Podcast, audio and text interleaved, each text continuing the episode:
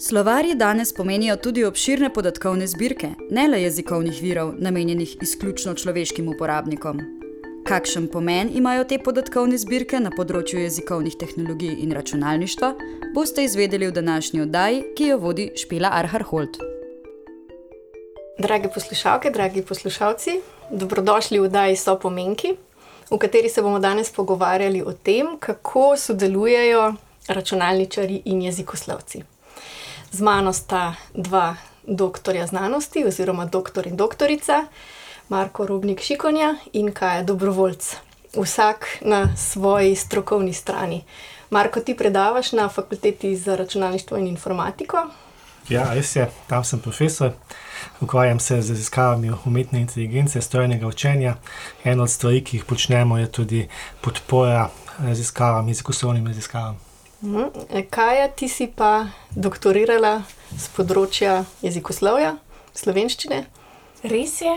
V bistvu sem po poklicu diplomirana prevajalka za angliščino in francoščino z doktoratom iz slovenistike. Danes pa sem zaposlena na Filozofski fakulteti in inštitutu Jožef Štefan, kjer se ukvarjam z raziskovanjem na področju jezikoslovja, kot si že rekla, specifično z razvojem virov in tehnologij za slovenščino.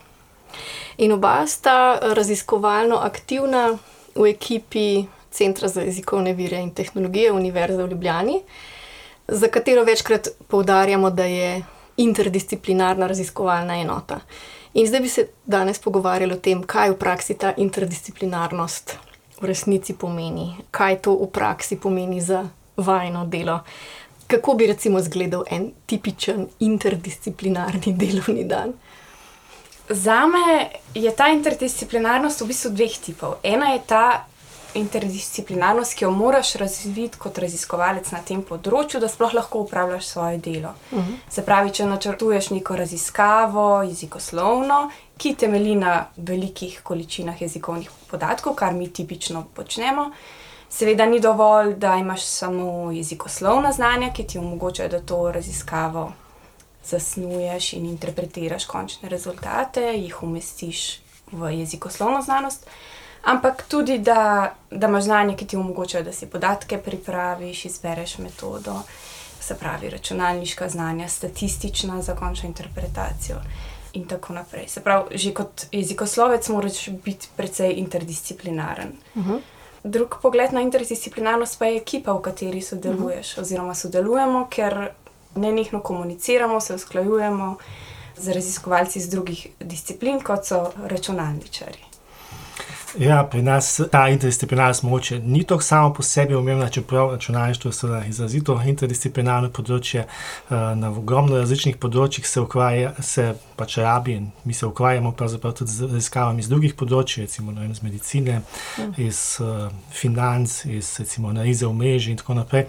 Ampak seveda se pa vsak se pa seveda ukvarja bolj s tistimi področji, ki so mu bolj pri srcu.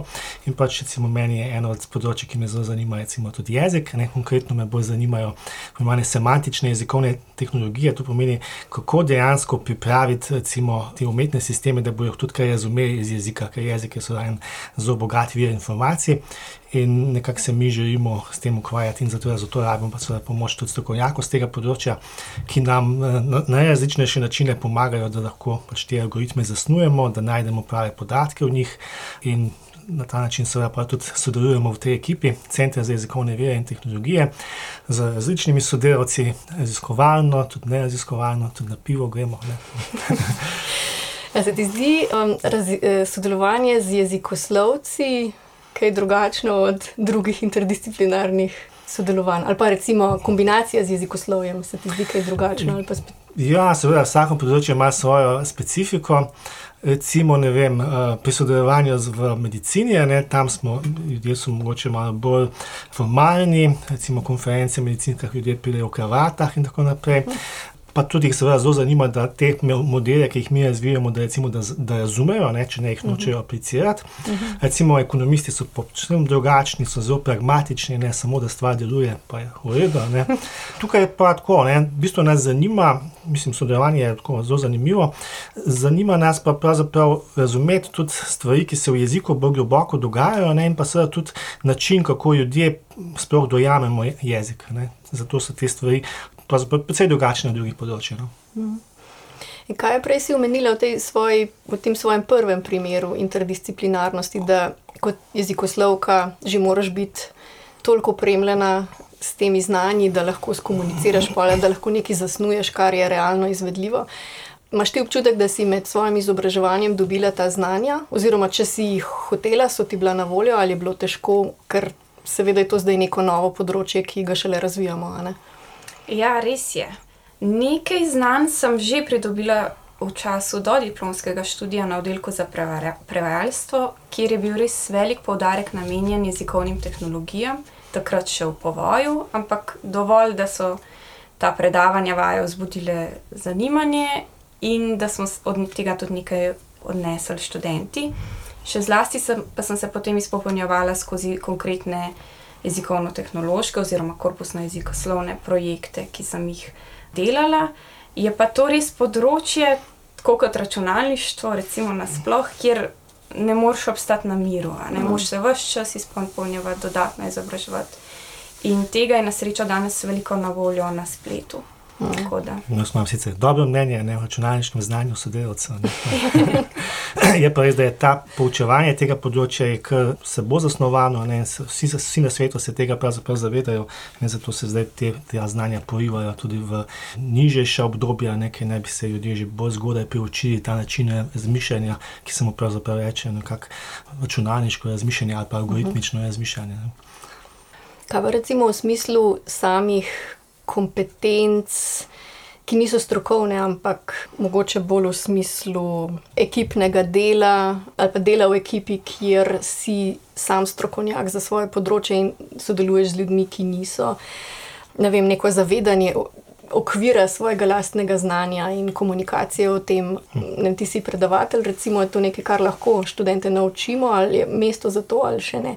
Ja, tukaj smo lahko bolj skromno, tiho, ne zdaj računalniki, ki so izrazito introvertirani. Naši študenti so manj komunikativni kot jezikoslovci, tipično. Ne, da, ne, vem, ne bi tukaj preveč ljudem sodil pameti, ampak se mi zdi, da je velike tudi osebnostne lastnosti, ki temu mm. pripomorejo. Mm se mi zdi, da ta ekipa eh, Centra za jezikovne vire in tehnologije zelo lepo sodeluje. Skoro rekel, je en lep primer dobrega timskega dela. Ja, se kar uh, strinjam. In res je, se mi zdi v interdisciplinarnem timu ta potreba po komunikaciji, po spraševanju in poslušanju, po mhm. pojasnevanju toliko večja. Ne? In najbrž računalničarjem velikrat uh, gremo na živce, ko sprašujemo, zakaj nekaj dela kot tako kot dela, pa zakaj se je nekaj spremenilo iz ene v drugo. Sestanki so precej daljši. Značilno. Um, ampak v tem je tudi lepota ne, tega dela. In vse čas, jaz vsak dan v bistvu skoraj začnem s prebiranjem pošte računalničarjev, ki običajno delajo zvečer ali po noči. Mm -hmm. Ni dneva, ko ne bi komunicirala z nekim drugim profilom.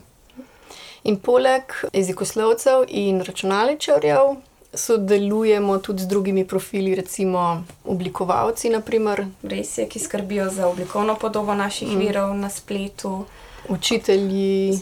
Učitelji in drugimi uporabniki naših virov, kot nekimi skupinami, s katerimi se posvetujemo za, za njihovo izboljšavo, lektori, prevajalci, ne na zadnje tudi drugi raziskovalci jezika, ne nujno jezikoslovci, ki se na nas obračajo sprošno za pomoč pri rabi virov.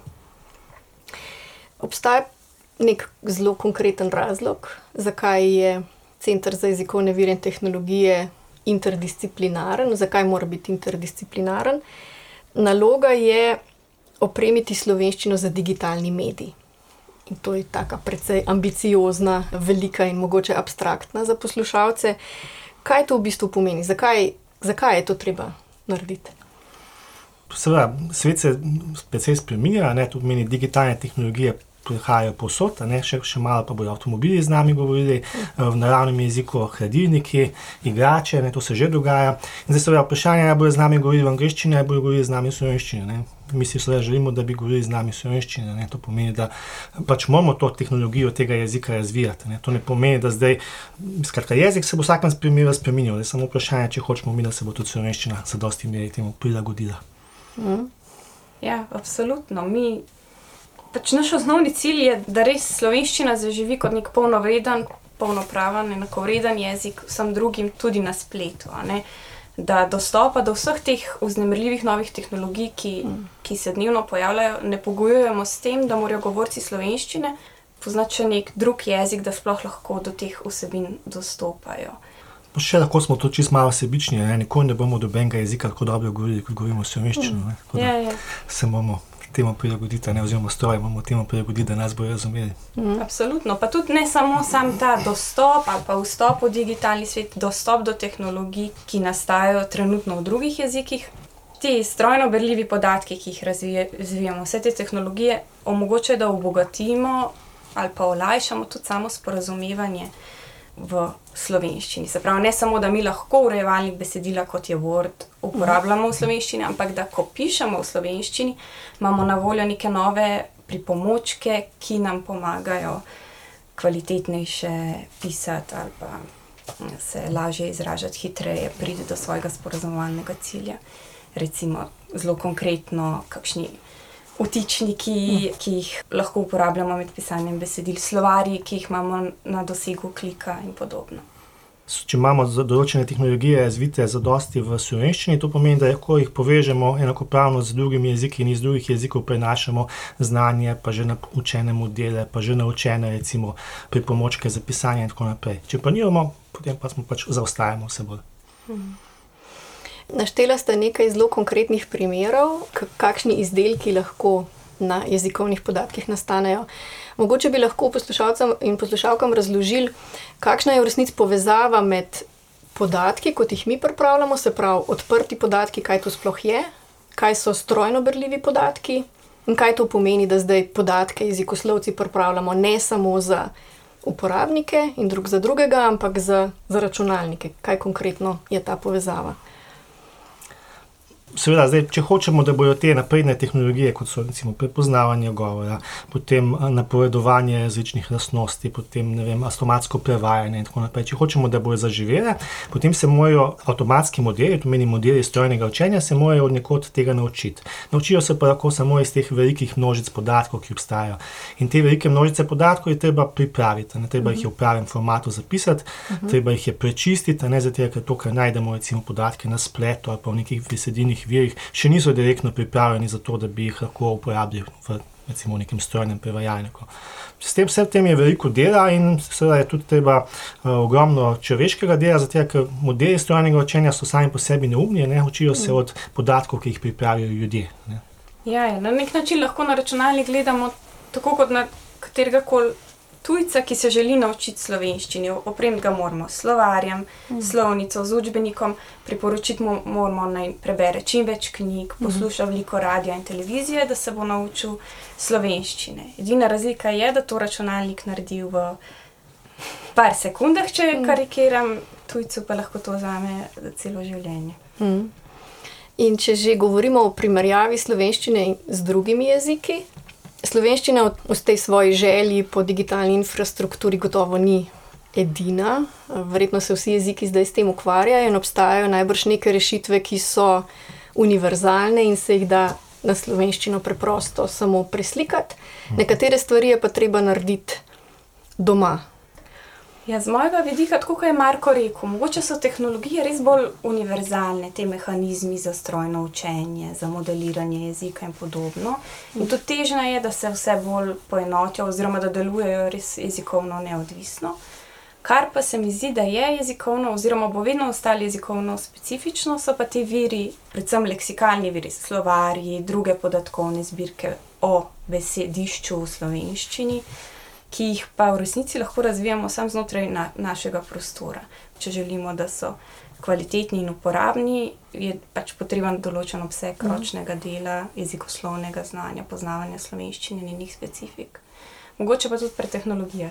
Ja, pravzaprav je tukaj dobra jezika. Ne? Tehnologije so dejansko bolj prenosljive, do neke mere so seveda tudi jezikovno specifične, ampak viri so pa skoraj vedno jezikovno specifični. Recimo, jaz sodelujem v enem projektu evropskem, ki se imenuje Embeddija, ki pravzaprav za take manj upremljene jezike poskuša narediti tehnologije, ki, ki bojo omogočile prenos znanja iz večjih jezikov, kot je angliščina. Uh -huh Ampak vedno so pa tisti osnovni viri, so pa recimo, jih je pa nujno treba zbrati. Ne recimo za jezike, kjer nam to ni uspelo, se je dejansko izkazalo, da ne bomo kaj dosti narediti. Ne. Spomnim se tudi enkrat, da si omenil, da se da že zelo majhnimi inicijativami ali pa podatkovnimi množicami, zelo, zelo majhnimi napredki, izboljšati stanje tudi na ravni metodologije.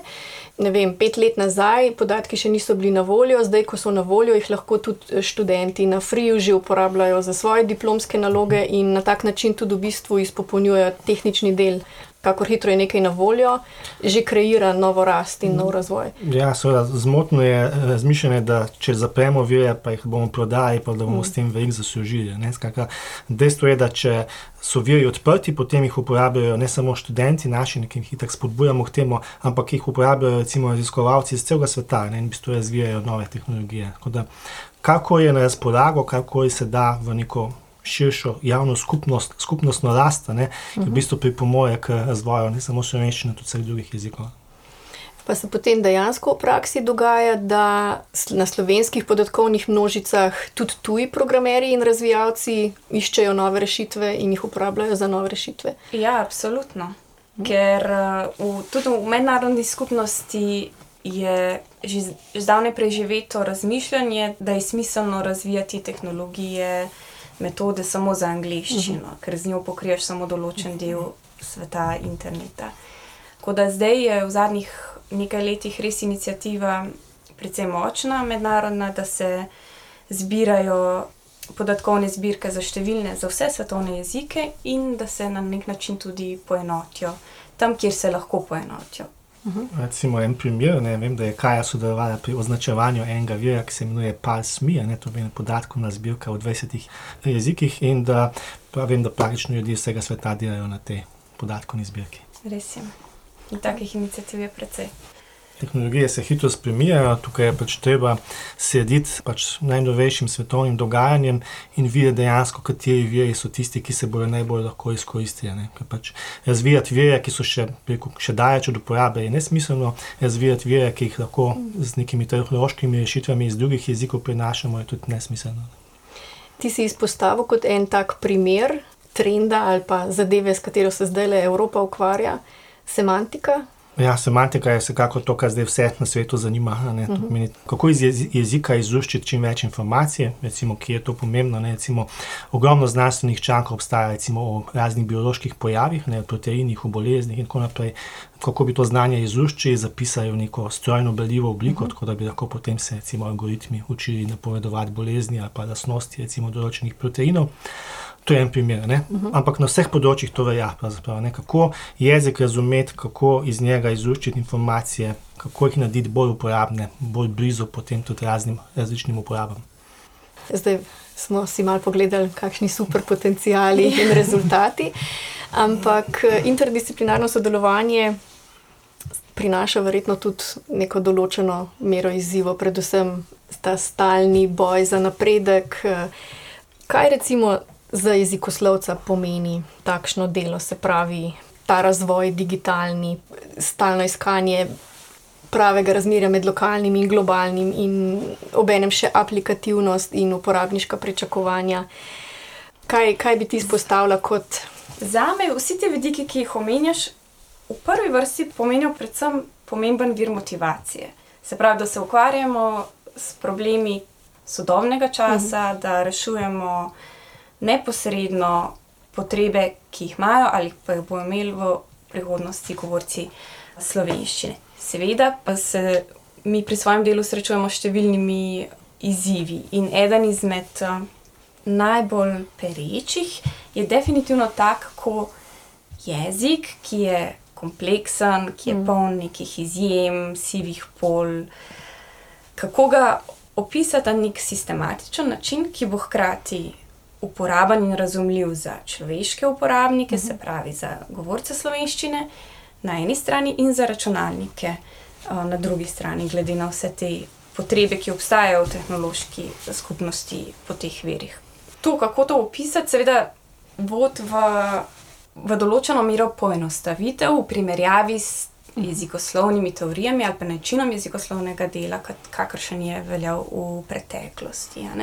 Ampak tudi pri našem dozdajšnjem delu se je v bistvu izkazalo, da na mestih, kjer smo bili zaradi računalniških potreb prisiljeni v določeno mhm. mero poenostavitev, da so to v resnici mesta, kjer se tudi jezikoslovci med sabo ne strinjajo pogosto.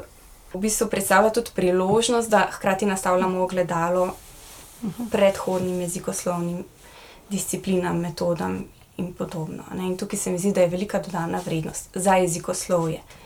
Zdaj, drugi izziv pa je seveda tehnologije niso popolne, ne in nikoli ne bodo, vedno jih spremlja določen delež uh, napak. In tega se na centru dobro zavedamo, in vse čas izboljšujemo postopke, metode uh, za obdelavo jezikoslovnih podatkov v skladu pač s splošnim napredkom na področju računalniške znanosti, strojnega učenja, kjer je ta napredek res skokovit. In to zavedanje, da rešitve v tem trenutku ne morejo biti popolne, na kar vedno naletimo pri evalvacijah, naprimer strojno pridobljenih podatkov, ali pa na drugi strani zavedanje, da tudi sami jezikoslovci ne moremo, nismo sposobni skreirati nekega sistema označevanja, ki bo pokril vso vse kaos jezikovne realnosti. To zna biti včasih kar frustrirajoče, in se mi zdi, da je ena taka vaja v zavedanju realnosti, no? jezikovne realnosti. Ne? Absolutno, ampak kadarkoli pride do te frustracije, ki je pogosta, imaš na drugi strani dejstvo, da ti neka tehnologija v izjemno mm. kratkem času rešuje izjemno kompleksne pro probleme na ogromnih količinah podatkov. Je zelo hitro. To odtehta vsakršne pomankljivosti, ki se itak vse čas odpravljajo. Kaj pa vprašanje, če tako malo karikiram ali pa provokativno vprašam, predaje primata nad področjem. Jezikoslovci smo bili vedno tisti, ki smo jezik opazovali, ga opisovali, tudi predpisovali. In zdaj smo se znašli v vlogi, ko veliko učinkoviteje in bolje lahko to počnemo v interdisciplinarnih ekipah, ampak to pa seveda tudi pomeni kot smo že prej rekli. Dolge sestanke. Dolge sestanke, veliko pogovarjanja, veliko uh, tovrstnih kompromisov, tudi sami s sabo in svojim lastnim delom, ali pa mogoče neko idealizirano predstavo, kaj to pomeni biti jezikoslovec. Kako se ti zdi, kakšen odnos imaš ti do tega? Jaz, jaz sem strasten zagovornik tega interdisciplinarnega pristopa, ki bi moral biti prevzet pristop v znanosti nasplošno, se mi zdi, ker si opisujemo oziroma delamo z isto materijo, svetom. Mm. Ja, interdisciplinarnost je zanimiva, zabavna, motivirajoča. Zdaj moraš ti povedati še izzive na svoji strani. Sem že razmišljal, ne. Ja, poleg ja. dolgih sestankov. Ja, ja, to je res najbolj uh, univerzalni. Ja. No, drugače, seveda, mislim, izzivi so to dejansko, da po eni strani imamo izjemen napredek ne, tehnologije umetne inteligence, ki so se tudi predvsem na jezik usmerili. Če gledam z vidika raziskovalca, je pač kar že težko slediti vsem tem uh, novim tehnologijam, ki se zdaj dogajajo ne. v svetu na splošno in tudi, uh, tudi v slovenščini se precej stvari dogajajo.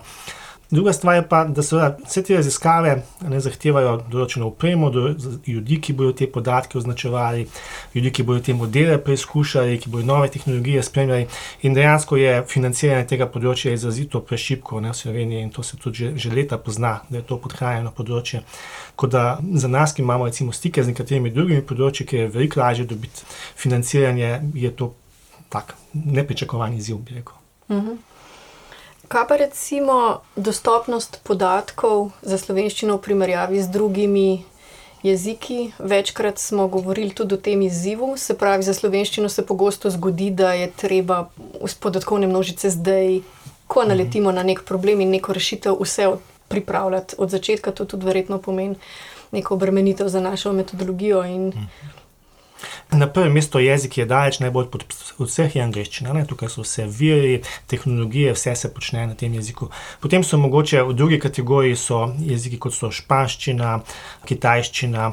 Mogoče še nemščina in francoščina, ki imajo precej dobro podporo. Potem so pa že tretja kategorija, so tipično evropski jeziki, ki so držali precej denarja za to dajanje. To so recimo nizozemščina, češčina, od slovanskih jezikov, mogoče polščina, kaj še mogoče danščina, recimo ali pa italijanščina. No, potem v, recimo v naslednji kategoriji smo že nekako mi, ne? Skratka, to so jeziki, ki, ki se vsaj nekaj financirajo, pa ki se vsaj nekaj dogaja. Ne? To pomeni, imamo neko živahno raziskovalno skupnost, ki nekaj počne, ki ima neke želje, ki ima motivacijo tudi z nekaj financiranja strani države. Ne. No, in potem so pa še cel kup drugih jezikov, nekateri so tudi 100 milijonski, recimo kakšne Indije, pa kje pravzaprav skoraj nič se ne dogaja, ne, ker pravzaprav ni skoraj dobenih tehnologij, dobenih baz in se tudi zato tega skoraj nič ne da narediti. Ne. Se pravi, ne gre toliko za število govorcev, kar pogosto radi ljudje razmišljajo, da mogoče slovenščina premehna, da je v tem problem. Ne, ne za... slovenščina je trdno v nekem četrtem kakovostnem razredu. Uh -huh. Kako kaj pridemo od tretjega, kaj je treba? ja, to sem že skoraj povedal. ja. treba je dati pač več denarja, ja. zato da bo več raziskovalcev, ki bodo več teh podatkovnih množic označili, pregledali, da bojo boljše kakovosti. Ne? Tako kot je pred kratkim povedal kolega Simon Krek, ki je bil na Češkem na obisku. Oni imajo samo za, recimo, za področje njihovega nacionalnega korpusa mm. 20 ljudi, ki se s tem, samo s tem ukvarjajo. Pri nas se mogoče pol človeka nekaj takega ukvarja s tem. Ja, pa tudi neredno. Ja, no, ampak recimo povprečje na polovička. Mm. Tukaj zdaj govorimo o finančni podpori kadrov na obeh stranih, seveda. In je še en, en ko bom rekla, stereotip ali pa. Pogosto pridemo do zaključka, da mogoče ukvarjanje slovenščino za programerje ni zanimivo, ker ni dobičkonosno. Vsak programer dober lahko dobi službo, ki je mogoče bolje plačana, bolj zanimiva kot to reševanje malega nacionalnega jezika. Se tebi zdi, da ta stereotip drži? Ja, do neke mere se drži. Ne? Na koncu, koncu vsi morajo potem razmišljati, kako bodo svoje družine preživeli, kam bodo šli na počitnice, kaj so njihovi kolegi počnejo. Ne? Do neke mere je to seveda res. Ne? Pa določeno število entuzijastov, ne? ki radi delajo v znanosti in tudi radi delajo z jezikom. Ne? Nekaj, nekaj jih je tudi v Centru za jezikovne vere in tehnologije. In ti si tudi dober primer, da se tudi s slovenščino in z delom na slovenščini lahko pride do dobrih raziskovalnih rezultatov, objav vsega tega, kar. To se da, ne? mislim, da so skoraj vsi sodelavci tukaj vidijo. Mislim, za slovenščino, slovenščina je. Kot vsi drugi jeziki, je danes se jo da publicirati, se jo da publicirati v svetovnih znanstvenih revijah. To počnejo posod po svetu, ni razloga, da ne bi tega počeli slovenci. Mhm. Ja, se absolutno strinjam. Tudi mene kolegi pogosto sprašujejo, kako sploh slovenščino pridemo do mednarodnih objav, ko jim razložimo, da so metode, mhm. ki jih uporabljamo, nove v svetovnem smislu, pa seveda vedno vprašajo, pa zakaj potem jih ne preizkusite na angliščini mhm. in na ta način bi, bi raziskavo naredili še toliko bolj odmevno. Ampak, tako kot je Marko rekel, meni se zdi, da ni v slovenščini v ničemer manj vredna ali manj zanimiva za mednarodno skupnost. Je pa res, da je treba vložiti toliko več energije v to, da ti sogovorniki v mednarodni skupnosti sploh prisluhnejo. Ampak mislim, da je to izziv, ki smo ga zaradi vseh prednosti, ki jih vse čas vidimo v lokalnem okolju, tega ukvarjanja slovenščino, pač vsi pripravljeni sprejeti. Še eno stvar bi vprašala. Spomni se z ene konference, kjer smo se pogovarjali o, mislim, da avtomatskem postavljanju vejce v slovenščini. Vemo, da je to velik izziv, tudi korpusni podatki kažejo, da, mislim, da, je, da je tukaj nekaj, kar bi se dal verjetno tudi. Na jezikoslovni strani bolje uporabnikom skomunicirati. In spomnim se tvojega odziva na to debato. Mislim, da si rekel nekaj v smislu, da bi se dalo popravljanje ali pa postavljanje vejc narediti avtomatsko, če bi bila pravila taka, da bi računalnik lahko razumel, kaj sploh od njega želimo. No, mislim, pravila za vejco v slovenščini so precej kompleksna, ne? vejca je pač skladenska. Smo pa že naredili modele strojnega učenja, ki pravzaprav se precej dobro naučijo lahko postavljati vejco. No, zdaj trenutno še en študent moj pa zapravo dela, da bo to še malo boljše naredil za tehnologijo globokih nevronskih mrež. Potem bomo pa prišli enkrat do točke, ki bomo pa mogoče morali reči, da je treba pa tudi kakšna pravila poenostaviti. Skratka, če se večina populacije pri določenih postavljanju vejc moti, bi bilo mogoče razmišljati, da je mogoče ta stvar preveč zapletena, da ni to stvar samo tega, da bo nekaj strokovnjakov znalo postavljati pravilno vejce, ampak da to mora biti pač neka demokratična odločitev in da konec koncev, da ljudje znajo svoj jezik uporabljati. Mm. Da ne gre vedno iskati rešitve samo v spremembo uporabnikov, ampak včasih tudi v spremembo. Ja, Absolutno, takih primerov je v jezikoslovju ogromno. če ne drugega, smo, smo mi dve nekoč ja, izvajali raziskavo o rabi vezaja v zloženkah, tipa USB ključek, vezaj. Ne?